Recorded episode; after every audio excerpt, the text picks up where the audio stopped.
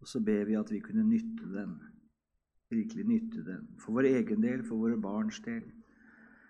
Og så vi også kunne få med oss noen. At det er frihet, at den kan fort tas fra oss, sånn som det mørkner til. Og så ber vi oss å nytte den rett. Vi ber fortsatt om din velsignelse over samlingen. Amen. Vi skal se litt på innholdet i våre møter. Og jeg har da først sett litt på For jeg snakka litt om at søndagsmøtet da hos oss har fått mer gudstjenestekarakter, og det tror jeg er riktig. Og så har jeg bare satt opp et forslag. Det står i Foreningshåndboka, det her. Og så vil jeg kommentere noen ting. Inngangsbønnen som brukes, det er jo den gamle klokkerbønnen, eh, som har vært en fin bønn. Og den syns jeg er en god ting eh, å bruke. Eh, det er ikke et must at man gjør det, men det er en god ting å bruke og starte. Eh, og det har vært vanlig, hvis, vi går til en gudstjeneste, så har man jo noen ledd som heter gloria, og man har noen sånne en, Gjerne starter med en, altså en, en ære, en, lovsang, en, lovprisning til Gud. Og at vi starter møtet med en sang, det er god og, og ikke som et fyll. Tror det skal være den som skal møte eller skal tenke hva er søndagens preg? Slik at sangene altså kan være med og, og, og, lede tanken. Går du til den gamle Landstad salmebok, så var den ordna etter søndagene. Og det var sanger der, som på en måte salmer der, som var til søndagens tema. Eh, ikke som en tvangstrøye, men som en, også en anvisning at det her bør både tale og sang på en måte gå i den samme retning, at det bygger opp under hverandre. Jeg husker jeg talte et sted, for det er så ubevissthet her. Jeg talte om rettferdiggjørelse av tro, og om, eh, om eh, at vi blir frelst ved tro, ikke ved gjerninger. Og så sier møtet etterpå Det var for mange år siden dette her, i en ungdomssammenheng. Ja, da synger vi 'Jesus, her er jeg, send meg'. Det var ikke akkurat i prekenens tema, Eh, men bare for, som et eksempel til, til altså at det bør være en tanke. Og jeg syns det er klokt også den som er møteleder, spør predikanten hva han skal tale om, og spør om det er sanger som predikanten ønsker. Ofte har jeg det. Jeg ønsker noen sanger som passer og, og på en måte kan være med sammen med prekenen. Eh, og, og her er det noen som har fått sagt ting altså, i noen få linjer som jeg måtte brukt en halvtime på å forklare. Eh, det er jo noe av poesiens styrke også. Den kan få sagt det så pregnant, så sterkt. Særlig de av de gamle salmene. Så bør vi bruke de. Eh, åpning Jeg sier at den bør være kort. For av og til så er det slik at det blir en minipreken på 15-20 minutter. Jeg opplever det. Eh, og det er vanskelig da å være predikant. Hvis man da har forberedt seg og har noe, og så føler man at en, en slipper til når klokka er ti, på, ti over halv elleve, det er gått 40 minutter allerede før en kommer til, og så merker jeg at det allerede begynner å bli urolig i forsamlingen. Det bør være en kort åpning. Den skal, øh, og jeg vil også si noe der. Blitt, jeg tror noen møteledere tenker at det er, det er en plikt at jeg, og det hører med, det er forventa at jeg også skal åpne. Jeg sier ikke at ikke han kan det, den som er møteleder, men det er også en gyllen anledning til å spørre noen i forsamlingen om å ha et ord et vitnesbyrd, en kort åpning, spørre noen av de unge eh, og få høre et vitnesbyrd, et, et, ord til en innledning. Det er en god anledning å gjøre det. Eh, søndag formiddag også, men særlig også når det er møteuker, at man bruker noen i forsamlingen. For vi snakker om vitnesbyrde, og det er iallfall en arena hvor en del som, som kan, en kan be om å ha et ord. Og det skulle den som er møteleder, mer gjøre, tror jeg, hos oss. Mer spørre noen andre om å ha et ord til åpning. Syns- og trosbekjennelse. Jeg personlig tenker at det, det hører med. Og det bør vi ha på søndagen. Det bør vi ikke hoppe over. Skriftlesning, sier, Skriften sier det legger vind på opplesning av Skriften. Nå skal vi huske vi skal huske det, at det ble skrevet i en tid hvor den enkelte ikke hadde Bibel hjemme. Slik at det var når man kom sammen, at man kunne faktisk høre skriftordet når det ble lest. Det var så kostbart. En skriftrull på, på pergament og etter hvert papyrus så ble det rimeligere, men det var ikke allemannseie. Slik at den muligheten man hadde til å høre Skriftordet, lese det, det var det når det ble opplest. Vi kan lese når som helst, så det er ikke det helt samme behovet. Derfor så tenker jeg det har det vært en åpning. Men det kan være, særlig jeg tenker da visse tider, langfredag, er det naturlig at man leser For det er så lang en tekst at man leser gjennom tekstene framfor å ha et åpningsord. Og Det kan være av og til en tenker at her er det noen tekster som vi kanskje skulle hatt lest. De er så viktige, de er så gode, at vi kan lese dem istedenfor en åpning. Men som sagt, vi har bibler, vi kan lese, eh, slik at det er ikke det samme, eh, det er ikke samme nødvendigheten i møtet. Ja, jeg synes som sagt, Før preken så bør det være en sang som bygger opp under eh, det som skal prekes. Jeg syns også det kan være noen som synger. Jeg kommer litt tilbake til sangkrefter seinere, men det kan godt være noen som synger på en søndags formiddagsmøte òg. Eh, men skal tenke på lengden på møtet. Og Av og til så tror jeg jeg skal også si det Den som er møteleder, det kan være viselig å ha den frihet at når man skjønner at nå ble det langt Det begynner å bli uro blant barna. Det er slik at nå, nå holdt prekenen Først var det mye som skjedde før prekenen, og så ble prekenen på 40 minutter. Kanskje 50 minutter. Klokka nærmer seg kvart over tolv, halv ett. Og så er det jo en del ting igjen. Ha den frihet til å kunne tenke at nei, i dag må vi droppe den sangen etterpå. Vi må, de som skulle synge nå, nå blir det for mye. Og så er det noe jeg må korte ned på. Kanskje jeg skal droppe å lese denne forsamlingsbønnen nå. For nå blir det egentlig bare å gjennomføre programmet. Mer enn som en tvangstrøye. Jeg tror den frihet skal vi ha, altså. Så da kan det være slik at det er Det kan være ting som gjør det, at en sier at nei, nå blir det bare en tvangstrøye å bare gjennomføre. Nå, nå tar vi bort noen ledd. Eller så syns jeg forsamlingens forbønn hører med. Det er noe vi skal be for, noe vi skal be om. Og jeg tror noen sånne faste bønner kan også være gode for de som sitter der, til sitt personlige bønneliv. Det var mye mer faste bønner før. Jeg tror veldig mange, eh, det som er gamle salmebøker, er gode, faste bønner for hver uke. om man leste. Det berika også det personlige bønnelivet. Her kom det formuleringer som var gode. Her er det emner og tema som kanskje vi ofte ikke ber om fordi vi er så selvsentrerte. Og så er det noe her som, som legges oss på hjertet, og vi får være med og be for og be om, og som vi også tar med oss. Så jeg syns å bruke denne forsamlingens forbønn Jeg husker fra liten. Kirkebønnen den, den kunne jeg mer eller mindre utenat. Og den kommer. Der kommer det ord og setninger.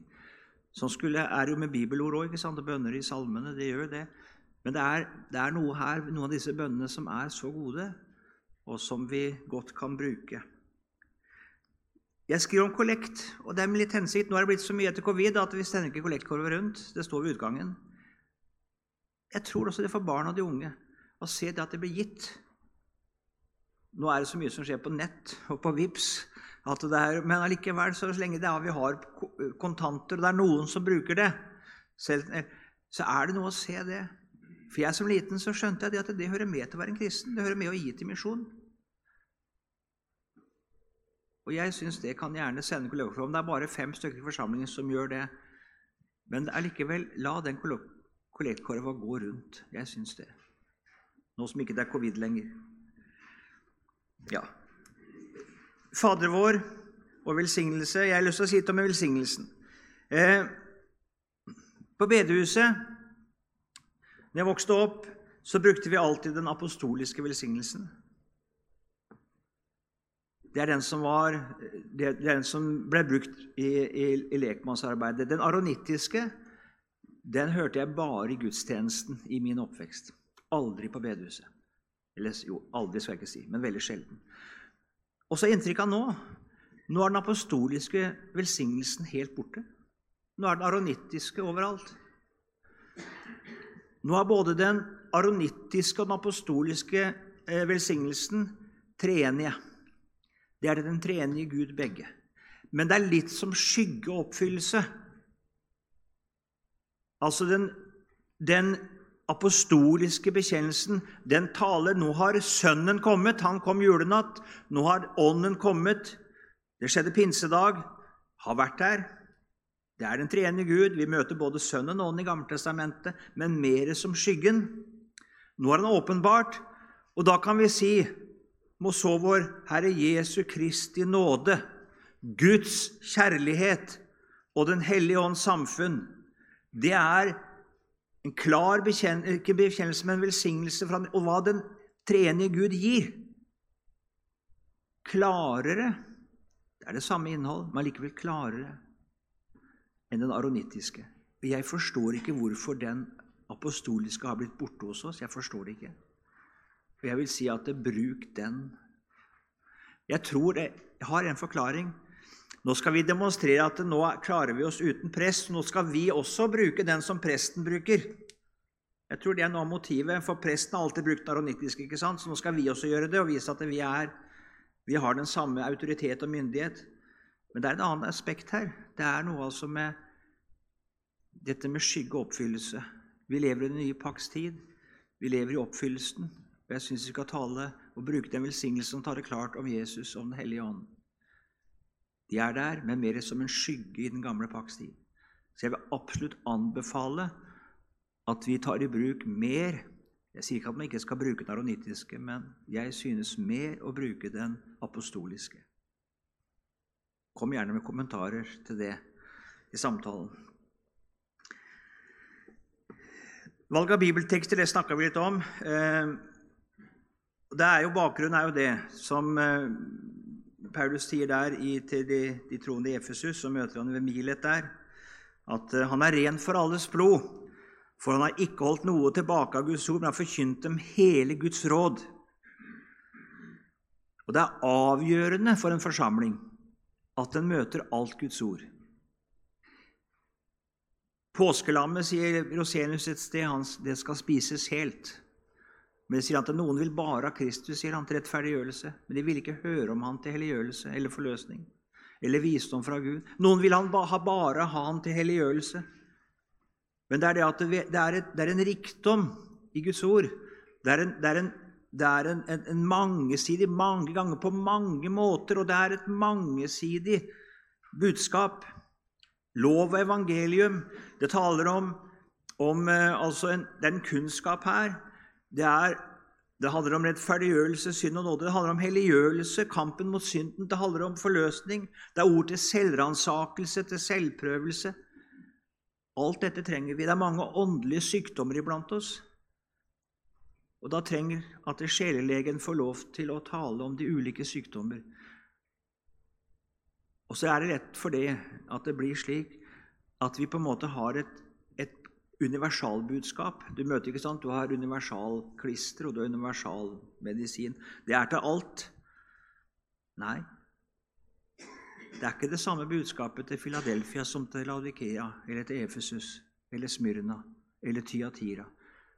Det er og Sånn skal også forkynnelsen være. Den skal ha noe til, til uh, ulike sjelstilstander, ulike situasjoner. Og der er det slik altså i denne gamle tekstrekken at det er tenkt på det. Man har søkt der å ha et, ha et ulikt preg på den enkelte søndag. Det skal være et ulikt tema. Og Hvis ikke det blir sånn, så blir det det samme temaet fort. Ikke hos alle. Det er noen predikanter som er bevisst på det og kan være frie tekster og likevel sørge for en allsidighet. Men mange gjør det ikke.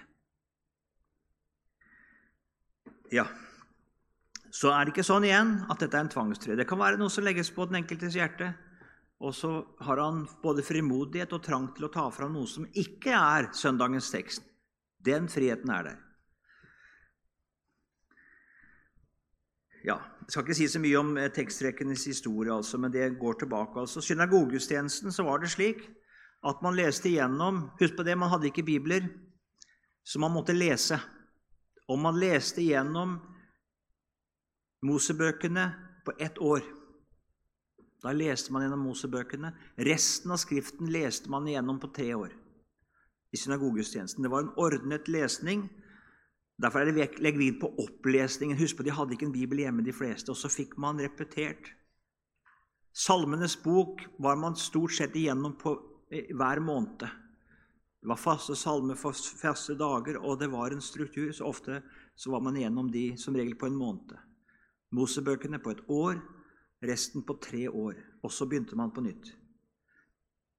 Og, og, så Derfor var det når Jesus kommer til Nasaret, så ga de han. ikke sant? For nå var de kommet til Jesaja 61, er det vel?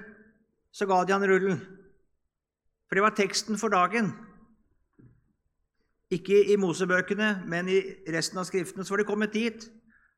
Og så leser Jesus, og så bryter han jo teksten. Han leser jo ikke hele. Han stopper jo midt i teksten. Og så begynner han å utlegge den.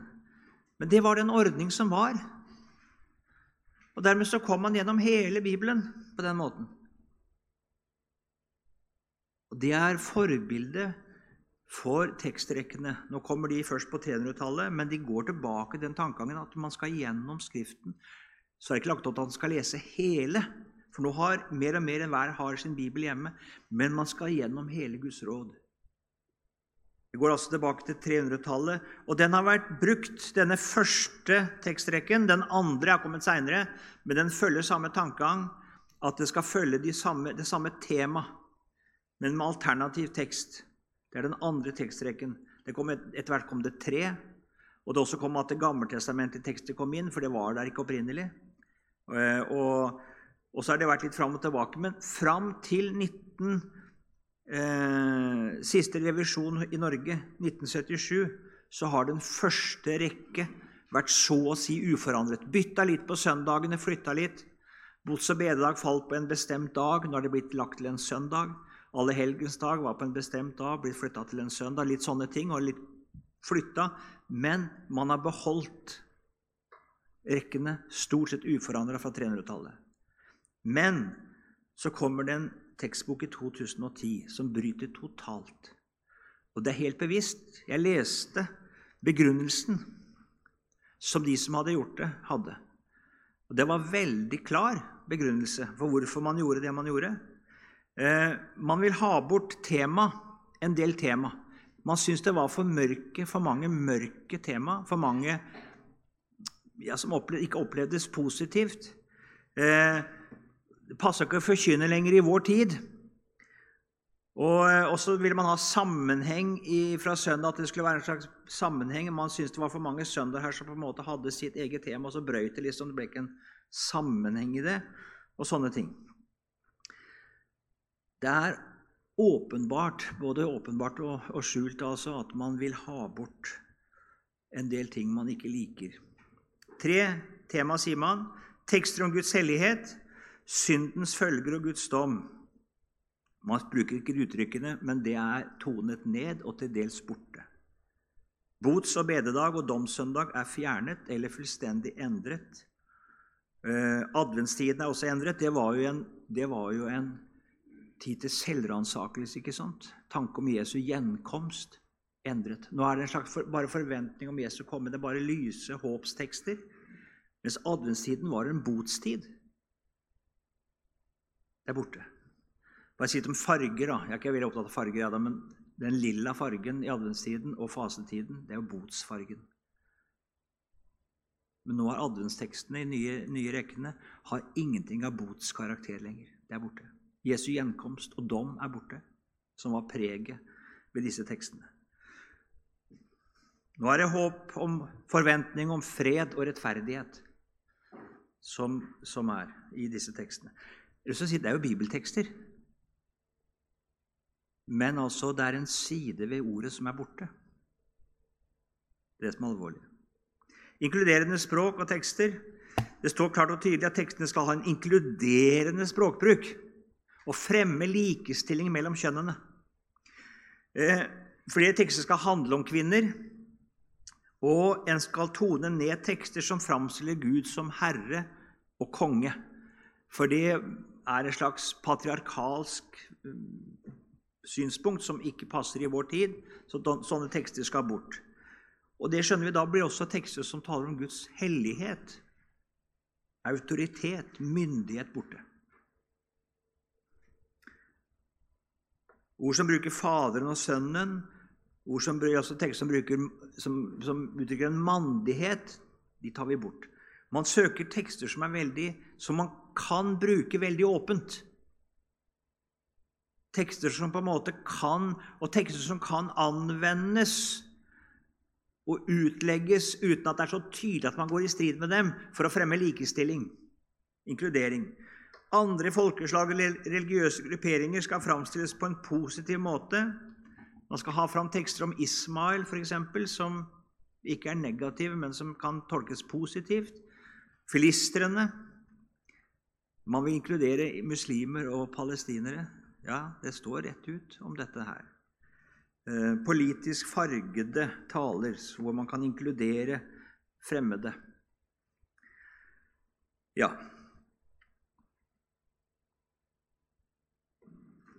Jeg skal ikke si noe mer. Fortsatt er det Guds ord, som sagt, og en god predikant kan tale godt og sant. Men det vil legge til rette for det vi kan kalle for den tause vranglære.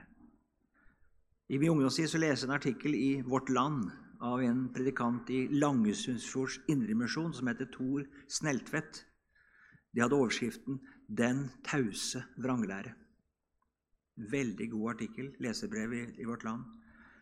Da skrev han om all forkynnelse som var sann og bibelsk, men som utelot vesentlige sannheter i Guds ord.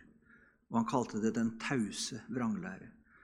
Det var vranglære fordi forkynnelsen var taus om tema og saker som skulle vært talt om.